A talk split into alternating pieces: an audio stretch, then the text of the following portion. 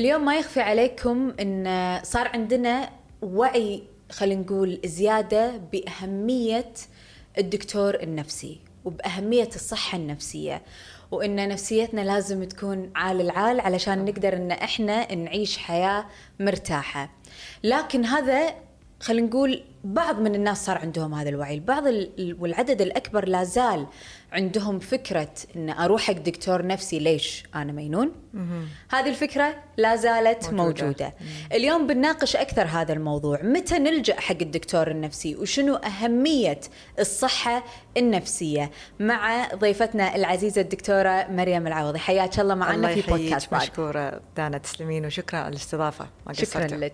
دكتورة بالبداية نبي نفرق ما بين المعالج النفسي والدكتور النفسي. أي مو أنا عشان كذي لما سمعتك تقولين الدكتور النفسي أبدأ في بس تصحيح اللقب لأن كلمة دكتور ممكن يعني يكون الشخص عنده دكتوراه في صحيح. علم النفس صحيح. ويصير دكتور. إي. والطبيب إحنا عندنا يسمونه دكتور. أي صح. فإحنا نلجأ ل أو انه يعني عشان نوضح نقول الطبيب النفسي والمعالج النفسي. حلو. فهمت الفرق؟ حلو. على أساس إنه هو الطبيب النفسي كطبيب إي. يقدر هو اللي يعني يمارس موضوع آه، صرف الأدوية وتشخيص الأمراض النفسية اللي تحتاج علاج دوائي. حلو. الأخصائي النفسي اللي هو بالإنجليزي ال psychologist إنزين ممكن يكون معالج نفسي ممكن يكون عنده ماجستير ودكتوراه فيصير اسمه دكتور. مع أنه هو أخصائي نفسي. لأن الدكتوراه اللي ماخذها أكثر أكاديمية إيه. مو طبيب.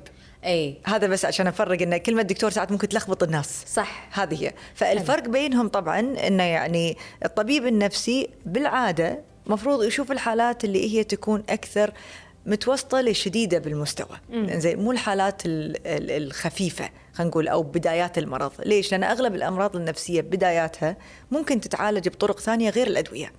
يعني العلاج السلوكي العلاج المعرفي أنواع ثانية من العلاج العلاج مثل ال support therapy زين هذه كلها ممكن إذا تدخلنا بوقت مبكر نعالج المرض هذا. ولكن في أمراض معينة بحكم أصلا طبيعة المرض هي جدا عضوية. يعني مثل مرض الفصام ثناء القطبين ال- أمراض مثل الوسواس القهري بأغلب الأحيان تحتاج تدخل دوائي.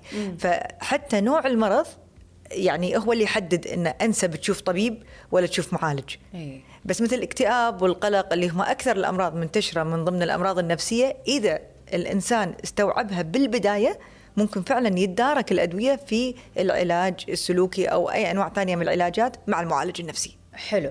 زين إحنا راح نتكلم أكيد عن هذا الموضوع أكثر كون إن الاكتئاب والقلق من أكثر مثل ما قلتي أكثر الأمراض النفسية انتشارا. لكن أبي أروح حق سؤال ثاني اللي هو ليش الناس تخاف من من, فكرة النفسي. إن أنا أروح حق طبيب نفسي؟ صح. أنا أتوقع في أكثر من شق حق السؤال هذا. يمكن ال- السبب الأساسي اللي هو أصلا دائما وراء أي خوف بشكل عام الجهل. يعني الإنسان لما يجهل شنو أصلا آه، الطبيب النفسي أو شنو المفروض يصير لما يروح حق طبيب نفسي وما يكون عنده فكرة جد آه، فكرة جدا دقيقة اللي يصير إنه يتخيل أو يحط افتراضيات مو صحيحة بناء على فرضا اللي نشوفه بالتلفزيون أفلام قديمة تسمعين تجارب ناس وتخافين من كلامهم. فجاي بشكل مباشر من إنه ما عنده فكرة جدا دقيقة وصحيحة عن شنو هو شنو تجربة مراجعة الطبيب النفسي. إيه. وأنا هالكلام أقوله بناء على حتى شنو تجارب المرضى اللي تراجع عندي.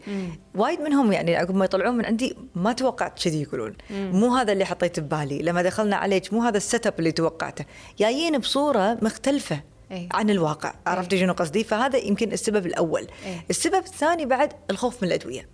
يعني أنا كطبيبة أقدر أقول إن كطبيبة نفسية الخوف من الأدوية النفسية تلعب دور كبير في يمكن ليش وايد ناس تتشجع أكثر تشوف معالج نفسي وتشوف أخصائي نفسي اللي بس بيعالجها بالكلام. الطبيب النفسي مرحلة ثانية. يخافون من موضوع إدمان الأدوية إني إذا بديت الأدوية أخاف تأثر على شخصيتي تأثر على عق- عقلي بشكل عام. فهم نفس الشيء في نوع من الوصمة على الأدوية النفسية تخلي الشخص يتردد عن زيارة الطبيب النفسي إيه هالشغلتين أتوقع أكثر شيء يلعب دور صحيح هذه من الأمور اللي تخلي الواحد يتردد صح. إنه هو يروح حق طبيب نفسي لكن يعني خلينا نقول بنسبة كبيرة بالفترة الأخيرة وبالسنوات الأخيرة صار الجيل الحالي تحسن الجيل وايد. وايد تحسن طبعاً. وصار عنده وعي آه، بهذا الأمر آه، الصورة النمطية اللي كانت موجودة عندهم المبنية من الأفلام والمسلسلات صح. ما تغيرت. عادت آه، صح. موجودة تغيرت وايد وصرنا نشوف influencers وايد إن يتكلمون صح. بكل صراحة عن تجاربهم وهذا الشيء وايد وايد مؤثر ووايد مفيد أكيد. آه، قبل ما انتقل حق سؤالي انت يعني هم بعد عندك بودكاست اسمه. بكل صراحة. اسمه بكل صراحة بالضبط. كلمينا وت- عن البودكاست هذا. أكيد. آه، البودكاست هاي فكرته كانت عندي من زمان لأن كنت أحس إنه يمكن أكثر طريقة ممكن الإنسان يأثر فيها على غيره في إنه يسمع تجربة أحد. ويسمع تجربة شخص مر باللي هو مر فيه وعانى بالطريقة اللي هو عانى فيها وغير كذي الحمد لله التجربه كانت إيجابية ويعطي أمل إن الحل موجود والعلاج موجود.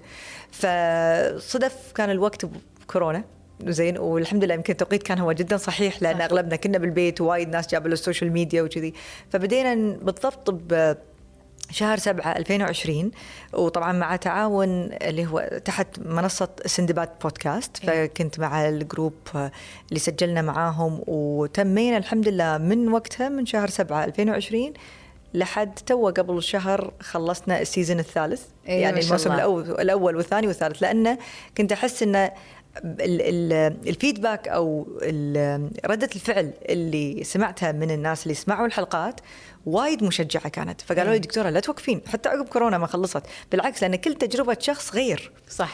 فالحمد لله يعني مستمرين والبودكاست هذه ثقافة يمكن جديدة إحنا علينا. أنا استأنست لما قالوا لي اليوم لقاء عن طريق بودكاست لأن إيه.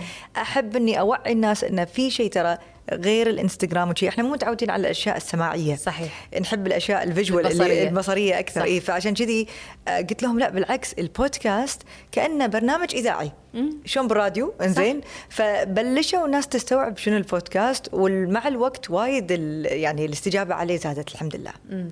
دكتورة فعلا أنت لما بلشتي خاصة أنا أذكر ال live ات إيه، للأمانة اللي بالإنستغرام. اي اللي إيه. بالإنستغرام لما بلشتي بحزة كورونا فعلا كان توقيت صح بالضبط. كان توقيت صح لأنه يعني إذا ما قل ما مو إذا مو الكل الأغلب كان يعاني من مشاكل نفسية خلال. فترة كورونا anxiety اكتئاب صح. آه، سم ال- ال- ال- إيه، الأسامي صح، كلها صح. فبهذه الفترة لما كنا نسمع التجارب اللي حضرتك الدكتورة تفض- تفضلين فيها أو تجارب الناس الثانية اللي تخلي الواحد شوية يرتاح نفسيا مو بس. أنا مو بس أنا اللي إيه. قاعد أعاني إيه، 100% صح وبعدين طبعا أنت ذكرتي كورونا كورونا بحد ذاتها يعني وهذه أثبتتها حتى الدراسات من بعد الجائحة ما عدت إن نسبة الاكتئاب ونسبة القلق وايد زادت بعد زادت. هالفترة طبعا صح، لأنه صح. يعني الإنسان مر في مرحلة كانت غير طبيعية. صح. زين غير الناس اللي تخيلي already عندهم فرضا خوف أو هوس الأمراض شنو صار فيهم فترة كورونا؟ يعني الناس اللي عندهم وسواس وايد زاد. صح. الناس اللي بشكل عام يعني مثل متعودين على إن حياتهم فيها وايد تخلط اجتماعي طلعات هذا كله راح منهم. وراح منهم يعني فترة جدا سريعة اللي إحنا دخلنا موضوع حظر وما يصير تطلع وشي. فهذا عقب ما عدت كورونا بلشنا نشوف التأثير النفسي صح. فإحنا بفترة كورونا كأطباء نفسيين أتوقع معالجين نفسيين يمكن أكثر ناس كنا مشغولين بالفترة صح. هذه صح. لأنه وايد ناس ترددت علينا صح وهل كان لها آثار بعد خلينا نقول ما انتهت الجائحة وردينا للحياة طبيعية أي. هل في ناس شالت هذه الآثار معاها لبعدين؟ بالضبط بالضبط وبعدين هذه شغلة حتى يعني تكلموا عنها يسمونها التأثير طويل المدى. زين لأن أنت دائما دانا بوقت ال... اي أي خلينا نقول أي وقت صدمة أو crisis أو وقت جدا صعب أنت مخك ما يستوعب الحين الجانب النفسي. دائما يعيش بال... بالمود اللي يسمونه survival mode صح. إني أنا لازم أكافح عشان أعدي الجائحة بدون ما أنا أتأثر أو بعيد الشر أموت أو يصير فيني. زين عقب ما عدت الجائحة التأثير ظل. التأثير النفسي. بلش المخ يستوعب أنا إيش مريت فيه. صح. شنو هذا؟ والناس اللي فقدوا ناس لا إيه. تنسين يعني وايد إيه، فقدنا ناس وايد. يعني بكورونا. آه، سرعة موت الناس هذيلي كانت يعني واحد ما استوعبها. زين فالتبعيات النفسية ظلت حتى عقب ما عدت الجائحة. زين دكتورة متى أقدر أقول إن أنا هذا الوقت أحتاج إن أنا أزور الطبيب النفسي؟ أوكي. آه، طبيب النفسي أو خلينا نقول اي أي مختص يعالج في الصحة النفسية. صحيح. أي. بشكل عام إحنا ننصح أي أحد يحس إنه بلشت عليه تغيرات آه، كانت في مزاجه كانت في سلوكه أو حتى بالأشياء الأساسية من من من نمط حياتها مثل النوم، الأكل، الطاقة، هذه الأشياء المؤشرات زين الأساسية. إذا بلشت تتغير والإنسان بلش يحس إن هالموضوع قام يأثر على إنتاجيته ويأثر على محيطه ويأثر على علاقاته لا معناته الموضوع يحتاج تدخل مهني أو تدخل من أحد مختص. مم. كلنا نمر يعني في يوم أو يومين ضايق. خلقنا ما في أحد يعني بالدنيا مزاجه 100% مستقر. صح. ولا أحد تي له حالات ساعات يكون متوتر من شيء معين آه عنده ردة فعل عشان خلينا نقول ظروف معينة. هذه تعتبر أشياء طبيعية وعابرة. مم. أنا أتكلم عن لما الموضوع يستمر. يعني مثل مو ما له تفسير. وغير هذا قاعد يتطور. ومثل ما قلت لك قاعد يأثر على جوانب معينة. هني الإنسان مهم وايد إنه ما ينطر. مم. يعني ليش إحنا أغلب الحالات اللي نشوفها للأسف تكون قاعد تعاني سنين. صح. وهذا شيء يعني محزن لأن أقول إنه يعني العلاج متوفر. والعلاج هذا كان ممكن يخلي الإنسان يتدارك أو إنه يعني يمنع نفسه من إن الحالة تتطور للدرجة هذه بس هو عدم الوعي إيه؟ اللي خلى الإنسان فرضا ما يدري إن هذا شيء نفسي أصلا.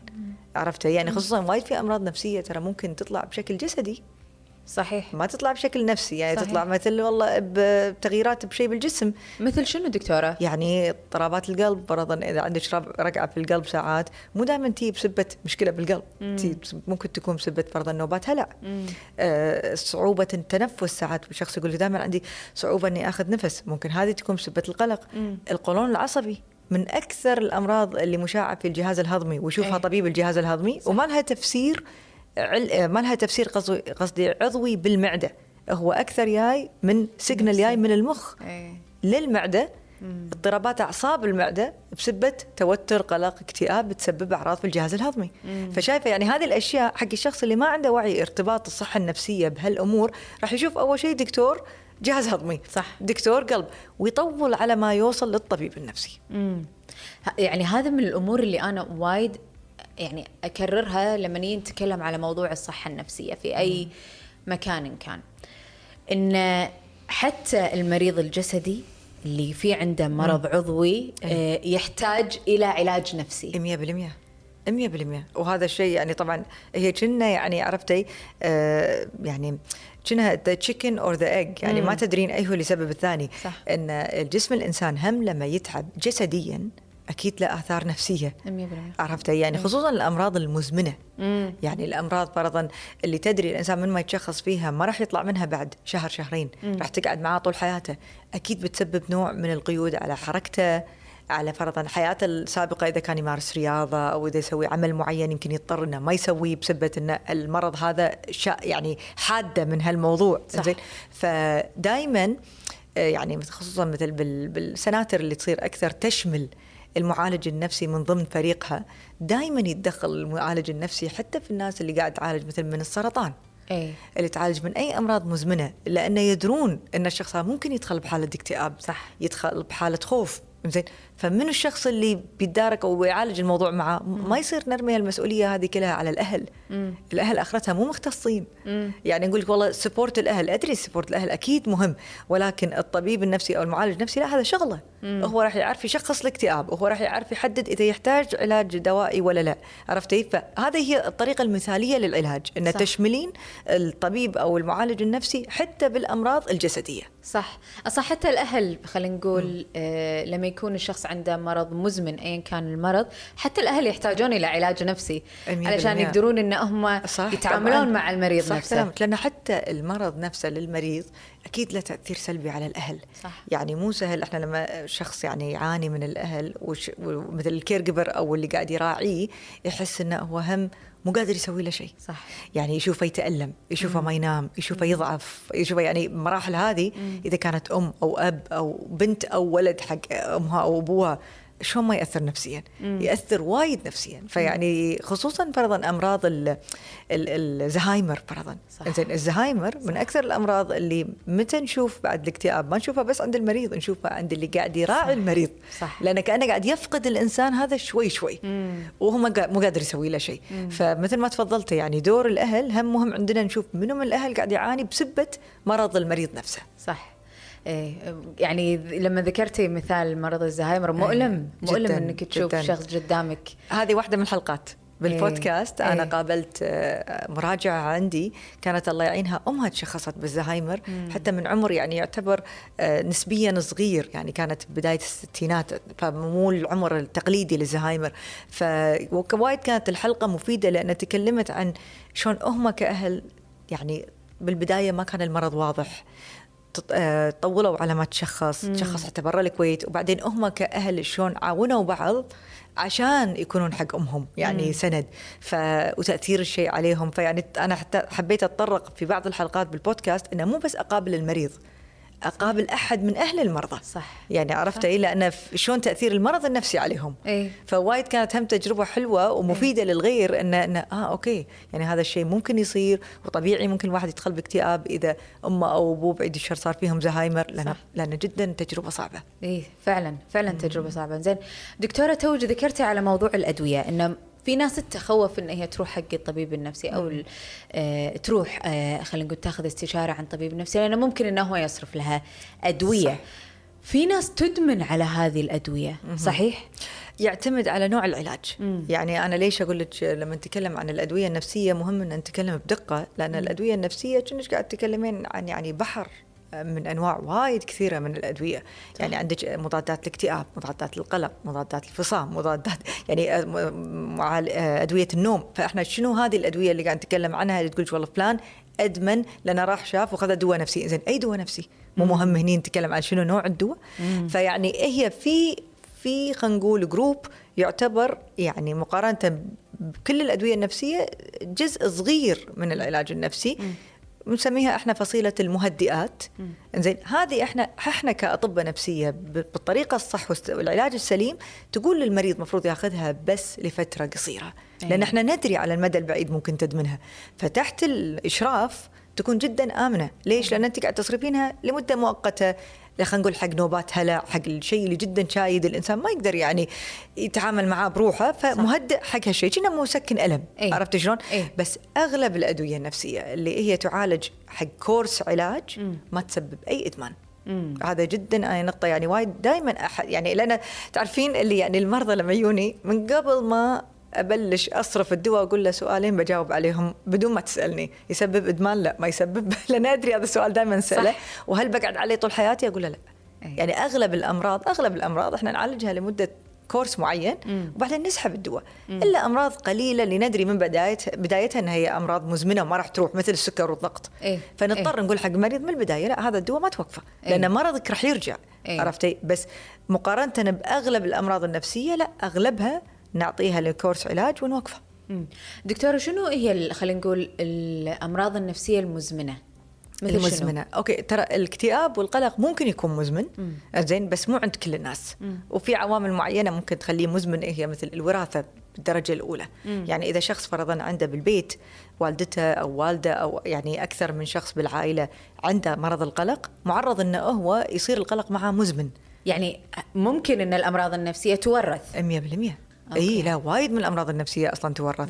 ومن أكثر العوامل اللي يعني تخلينا ندري ان هالشخص هذا عنده قابلية للمرض النفسي هي الوراثة. أكثر ترى من الظروف أكثر من الصدمات في الحياة. إيه. الناس دائما تربط المرض النفسي بهالأشياء. صح. لا بالعكس يعني أصلا وايد من الحالات اللي أنا أشوفها تلاقين حياتها 100% طبيعية. بشكل. عام يعني يعني ما في حد حياته 100% بس انت فاهمه شنو قصدي؟ إيه، ما عنده صدمة. كبيرة ما صار له ظرف يعني لهالدرجة شايد. ليش مكتئب؟ زين في عوامل ثانية هرمونات في المخ تتأثر الجانب الوراثي طبعا عند المرأة في مراحل معينة الحمل الولادة تلعب يلعب دور كبير. زين هذه كلها أشياء أكثر شنو نقول داخلية بالجسم. هي صح. اللي سببت المرض مو أشياء خارجية سببت المرض. إيه. عرفتي إيه. فالأمراض اللي يعني مزمنة من أول تشخيصها طبعا مرض ثنائي القطبين اللي هو بالإنجليزي اسمه ال bipolar إيه. ومرض الفصام اللي هو الشيزوفرينيا. ومرض الوسواس القهري اللي هو ال OCD يعني هذه هذه أغلب الأمراض طبعا اللي أقدر أقول إنه راح تستمر. مو معناته ما لها علاج. لا لها بالعكس علاج. لها علاج ولما الإنسان ياخذ علاجه تصير لها control وايد زين. إيه. بس يحتاج العلاج إيه بالضبط مثل السكر والضغط. إيه. يعني تقدرين تعيشين حياة طبيعية إذا أنت خذيتي علاجك. إيه. بس مثل الاكتئاب ممكن يكون لأ فترة وخلص القلق فترة ونع- وتعدي وكورس وت- ويعدي عند بعض الحالات عرفتي؟ بس أحتاج إني أميز هالشيء أول ما أشوف المريض عشان ما يصير عنده توقع إن أنا أوكي متى بترك الدواء؟ لأ أنا ما أبي أظل عليه طول حياتي. لأ لازم المريض هم يكون عارف خطة علاجه. مم. إذا المرض كان مرض مزمن لازم المريض يتقبل إن ما فيها شيء. إني آخذ علاج. إذا هذا العلاج راح يخليني أعيش حياة خلينا نقول مستقرة صحيح. وحياة بشكل عام صحية. صحيح. إنزين دكتورة آه للأسف في مفاهيم خاطئة. إحنا مثل ما تدرين عن آه الطب النفسي واللي يروح يعالج عند طبيب نفسي. في معتقد انه هذا خلينا نقول في اكتئاب ولا قلق ولا قاعد يروح يعالج عند الطبيب النفسي بسبب ضعف الإيمان صار في كذي. هذا المفهوم مثل ما انت عارفة موجود بالمجتمع. موجود، صح طبعاً. شلون نقدر نرد عليه؟ الرد عليه في إنه أول شيء نشرح للمريض نفسه. إنزين إنه يعني هالكلام هذا غير صحيح علميا. ما في أي ارتباط ما بين ضعف الإيمان وما بين المرض النفسي. طبعا ما ننكر إنه خصوصا إذا الإنسان كان عنده الجانب الروحاني والديني شيء مهم صحيح. جدا إحنا ننصح إنه بجزء من علاجه يلجأ حق هالشيء كجزء من علاجه. بس هل هو العلاج الكامل أو تعويض عن فرضا الأدوية؟ لا ما راح يكون تعويض. وبنفس الوقت ما يعني ما في يعني ما في أي أدلة علمية تثبت إن ضعف الإيمان يسبب اكتئاب.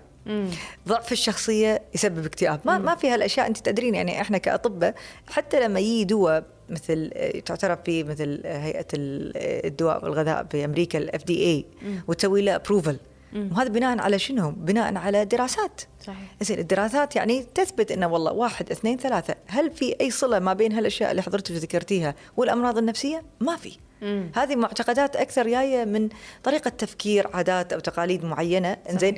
وفيها نوع من الظلم للمريض يعني إيه. لو تفكرين فيها لأن كانه غير انه هو قاعد يعاني يتحمل مسؤولية مرضه. مم. أنت ضعف إيمانك سوى فيك كذي. أنت لو تقوي إيمانك تطلع من هذا زين أنا أقول لهم ليش المريض النفسي هو المريض الوحيد اللي مفروض هو مسؤول عن علاج نفسه؟ صح. يعني أي مريض ثاني كلنا على طول نركض حق مساعدته ونبي نساعده ونخليه يبلش العلاج. إيه. إلا المريض النفسي. إيه. نعطيه نقول نحسسه شوي بالذنب. صح. إنه يعني لا لا لا هذا كله بمخك أنت. أنت لو تقوي إيمانك أنت لو تلجأ للدين أنت لو تقوي شخصيتك هذا كله يروح عنك. إيه. هالكلام غير علمي. إيه، أو تعوذ من إبليس ما فيك الا العافية. اي بالضبط. زين يعني كثر ما قالوها. يعني هذا أكيد وايد ناس تقولها. وأنا أدري هي تنقال بحسن نية. طبعا أكيد، تنقال إنه. يعني إنه والله الشخص هذا عبالة إن هالكلام بيساعد المريض. بس بالواقع ما يساعده. المرضى أغلبهم لما يراجعون عندي بالعكس يحسون بالذنب. بالذنب هم حاسين بالذنب إن أنا والله مفروض أطلع نفسي من هالمرض بس ماني قادر فمضطر أروح طبيب نفسي. أي. فأنا أشرح له وأقول له لا ما له علاقة لا هو مو فشل منك إنك تروح تشوف طبيب. بالعكس هي هو وعي يعني وعي زين منك صح. إنك أنت اعترفت إن أنا مريض وتعبان صح. واحتاج مساعدة. صح. بس ما لها علاقة بضعف شخصيتك ولا قوة شخصيتك. 100% وهذا اللي إحنا نبي نبينه الدكتوره اليوم بالحلقة إنه لجوءك للمعالج النفسي أو الطبيب النفسي. آه هي خطوة لك خطوة أولى للعلاج؟ صح. في إنك تكون بحالة صحية أفضل صح. الصحة فق مو يعني صحتك مو بس أعضائك إن هي تكون 100%. سليمة أيضا صح. نفسيتك لها حق عليك صح. في إنك تحافظ عليها في إنك تعتني فيها أكثر صح. وإذا كنت حاس إنك محتاج تروح لطبيب نفسي روح ولا تتردد لا تتردد بالضبط يعني ترى حتى موضوع إحنا شوي ال- الكلمة كلمة النفسية بال- باللغة العربية مو وايد دقيقة يعني مم. شنو يعني ال- النفسية هي عبارة عن ترى جزء هم من الجسم اللي هو م- الكنترول ماله وين المخ صح والمخ عضو بالجسم عرفتي فيعني لما المخ يتعب ولما المخ يمرض مم. النفسية تتعب صحيح فيعني حتى النفسية جزء ما يتجزأ من جسم الإنسان من عضو، صح. وبالعكس هو أهم عضو.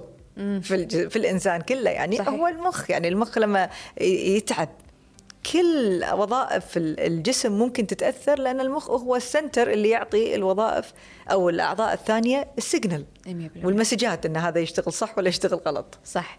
زين دكتورة الحين بالفترة الأخيرة الجيل ال- الصغير مع وجود خلينا نقول التكنولوجيا أي. وال social media قاعد يحس يعني الكثير منهم يحس بنوع من الاكتئاب مم. والقلق. مم. إن أنا لازم أكون on trend ولا أكون آه، بالمكان الفلاني. ايا كان. مم. ايا كان الموضوع. يحس يحس إنه في. competition و pressure أي صح. ضغط. آه هذا الموضوع قاعد يخلي البعض منهم يلجأ إلى الانتحار. لا ليش؟ لأنه وصل إلى مرحلة معينة من الاكتئاب والقلق. مو هو قادر يطلع من الاكتئاب والقلق اللي فيه. خلينا نقول بأيا كانت المعطيات اللي حاول اللي حوله سواء كانت social media أهل صح. أصدقاء مدرسة ايا كانت. يروح وينتحر. وقاعد نشوفهم بأعمار صغيرة. أعمار صغيرة وشيء يعور القلب. 100% ليش؟ ليش الحين هذا الجيل أو اللي بهذا العمر قاعد يلجؤون إلى الانتحار؟ مو الانتحار بأغلب الظن هو عرض حق مرض موجود. هي مو يعني هو مو تشخيص بروحه. الانتحار ممكن يكون جزء من مرحلة متطورة من الاكتئاب. الانتحار ممكن يكون بسبة إدمان. الانتحار ممكن يكون بسبة مرض مثل الفصام. لما الإنسان يدخل بحالة ذهانيه شوية ما يقدر يميز ما بين الواقع والحاضر فتلاقين الإنسان عايش بحالة معينة ومعتقد فرضا إن موته راح يكون جزء من علاجه أو راح يكون حق حياة أفضل بعدين.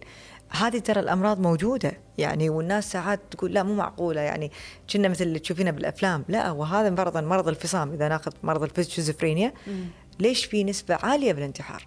لأن إذا المرض ما تعالج الأصوات اللي ممكن يسمعها الإنسان والتخيلات اللي ممكن يدخل فيها يدخل بهوس معين إنه يعني مثل الله سبحانه مناديه.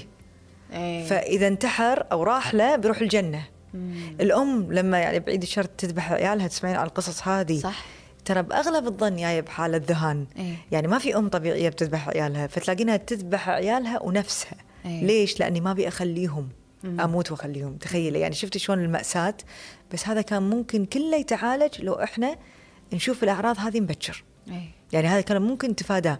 الاكتئاب موضوع ثاني طبعا. الاكتئاب لأن الإنسان واعي. وتلاقينه ماخذ قرار. مم. ويبي ينتحر. خلاص. صح. إنزين. وللأسف على كثر ما يعني إحنا نحاول ونوعي وكذي للأسف الإنسان لما يكون قرر إنه يبي ينهي حياته ما حد يقدر يوقفه. لأنه. ما يعطيك المؤشرات إيه. يعطيك بالعكس مؤشرات إني أنا زين وما فيني شيء وتلاقين ينطر اللحظة فرضا اللي كل. من نايم بالبيت صح. ولا الوقت اللي ما حد يقدر يوقفه إيه. فبس هذه دائما توصل المرحلة الأخيرة لما الإنسان يوصل مرحلة اليأس مم. فشنو دورنا إحنا؟ إحنا دورنا إن نصيد الأعراض مبكر مم. لأن طبيعي لما توصلين آخر مرحلة لما يوصل عنده أفكار انتحارية توليت. يعني حتى لو تبين تقفلين عليه الباب إذا الإنسان يبي يذبح نفسه راح يذبح نفسه. راح يذبح نفسه حتى لو قافلين عليه الباب. بالضبط راح يلاقي طريقة يذبح نفسه فيها. فيعني دورنا إحنا كمجتمع دورنا كأطباء إن ننبه إن ترى الانتحار هذا بعد هم وياي من ضعف إيمان. صحيح. لأن الإنسان ترى لما انتحر هو كان واصل مرحلة جدا متقدمة من مرض مم. فكان مريض. مم. وش كثر وعيه وش كثر كان حكمه باللحظة هذه يسوي؟ مم. ما كان سوي. مم. بس مو سوي بسبة شنو؟ مرض. صحيح. إحنا دائما يعني عرفتي سهل ان نحكم من بعيد ونشوف إن هذا الإنسان يعني استغفر الله مثل أكيد إيمانه ضعيف وكذي وللأسف لما يكون تخيلي زيادة على مأساة الانتحار في حكم سلبي. إيه. يعني فالانتحار هو بروحه يعني شلون بيأثر على أهل الشخص؟ صح. تأثيره السلبي اللي بيترك يعني صدمة للأهل. تخيلي نظرة المجتمع اللي هم تحكم عليه بشكل سلبي وتشوفه أنه هو سوى شيء حرام مم. وأكيد راح يروح لجهنم. مم. يعني إحنا لازم شوية نفتح مخنا ونقول أنه ما في أحد ينتحر إذا كان سليم. صح. الإنسان اللي ينتحر أكيد تعبان ومريض وبأغلب الظن مريض نفسيا. 100% إحنا وصلنا إلى ختام الحلقة دكتورة آه، طاف الوقت بسرعة والله. طار الوقت بسرعة لكن أتمنى أتمنى من كل قلبي إن الكل كل الكلام اللي قلناه اليوم معاك وتناقشنا فيه والأسئلة اللي طرحناها إن هي توصل حق كل. شخص سواء كنت شخص قاعد تعاني آه، ما فيها شيء إنك تروح حق طبيب نفسي أو معالج نفسي تتخذ أهم شيء إنك تتخذ القرار صح. وتقول أنا أحتاج الع- العلاج هذه أول خطوة لبداية العلاج. الشغلة الثانية الأهالي. انتبهوا لعيالكم انتبهوا لتصرفاتهم. شوفوا صح. هم شنو قاعد يعانون منه. وأخذوا حذركم لأن آه، في ممكن جدا إن إحنا إن أنتم كاهالي تلقطون الأمور من البداية ويتم علاج الابن أو صح. البنت عندكم. 100% أهم شيء الصحة النفسية وإن إحنا نحافظ عليها كثر ما نقدر. كل الشكر للدكتورة مريم الله إنك كنتي معنا اليوم. أنا بعد أشكركم وأشكركم دائما في مساهمتكم في تساعدونا في زيادة التوعية عن الموضوع هذا. إن شاء الله نكون إن إحنا وصلنا هذه الرسالة نشوفكم إن شاء الله في حلقة ثانية من بودكاستات. مع السلامة.